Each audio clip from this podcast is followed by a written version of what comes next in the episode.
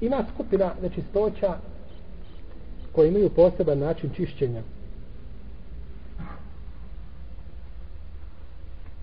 Prvo čišćenje krvi ili odjeće koja dođe na ili krvi koja dođe na odjeću, a krv je od mjesečnice, čisti se tako kako je rekao poslanik sa osvemu hadisu, Esme bin Tabi Bekar, da će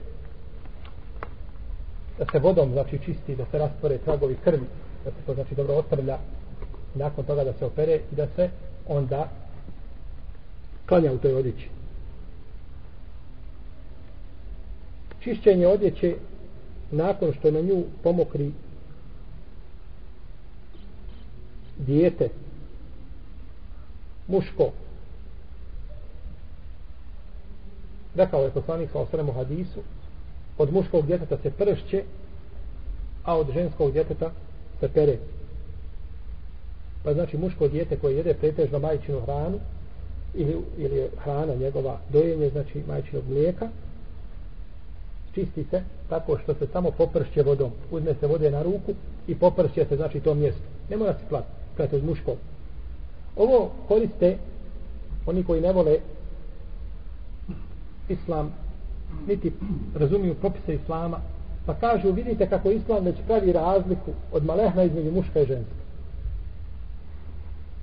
Iz malehna napravi razliku između to dvoje i uvijek u islamu postoji razlika. Sigurno da postoji razlika. Muško je muško, žensko je žensko tako, mora postojati razlika. Ako s te strane mislite na razliku razlika postoji. No vidite ako mislite na razliku da islam nije dao ženi pravo e tada se grdno varate. Tako da ulema je govorila o ome pa između ostalog jedan od razloga prvo Allah Žešanu može propisati šta hoće i kako hoće to je njegovo pravo te barate od da zadužuje ljude čime hoće i kako hoće i mi ne možemo Allaha obavezati da čini ono što je kako mi mislimo bolje za nas. Ali jedan od razloga koga spomnju islamski učenjaci ovdje jeste to što ljudi često drže malo muško dijete ili više se sa njim igraju i zabavljaju nego sa ženskim djetetom. Jer pogledate svugdje da je draže svakome kad mu dođe prvo muško djete nego žensko. Tako? Pa se ljudi, znači, uzimaju to dijete, muško dijete, više u naručje, pa se često desi, znači, da obavi prirodnu potrebu na njega, što što u vremenu kada nije bilo tempasa i tako dalje, ovi stvari, jeli, koji sprečavaju da, da, da to učini na odjeću onoga koga drži, kažu dovoljno je znači da se samo da se to poprče. Tako je došlo u hadisu poslanika sallallahu alejhi ve selleme koga bilježi imam Ebu Davud i drugi. Čišćenje odjeće od mezija. Znači ona tekućina koja se pojavi kod muškalca ili kod žene kada dođe do uzbuđenja. Čišćenje je najbolje pranjem. Najbolje znači da se stvari operu. Najbolje je pranjem. No međutim, došlo je u hadisu Sehla ibn Hanifa da je poslanik sa osvrame kada je pitan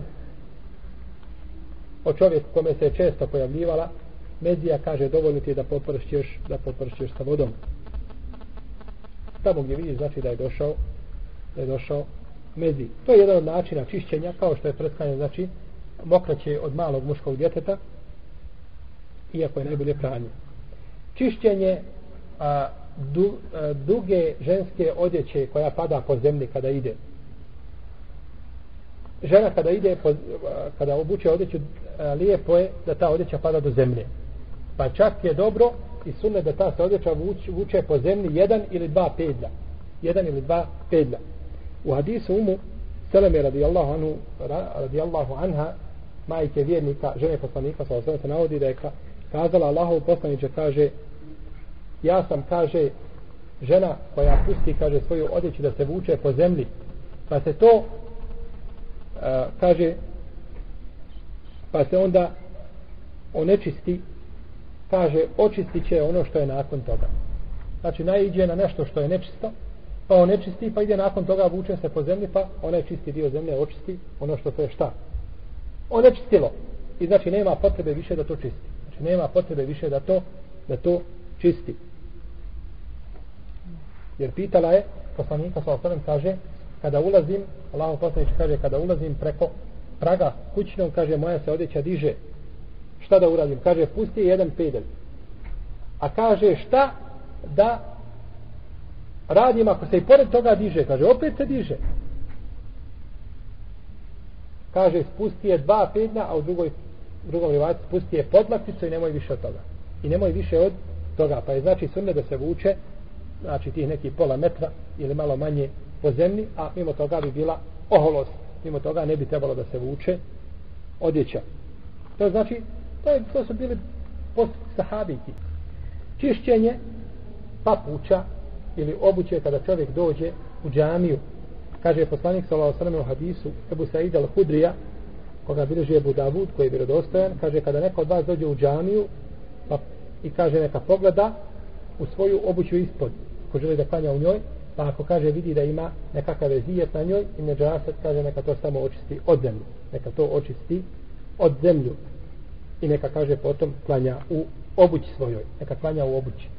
I klanjanje u obući je potvrđeno od poslanika sa osanem koliko se sjećam da ima 15 hadisa koji govore o namazu u papučama.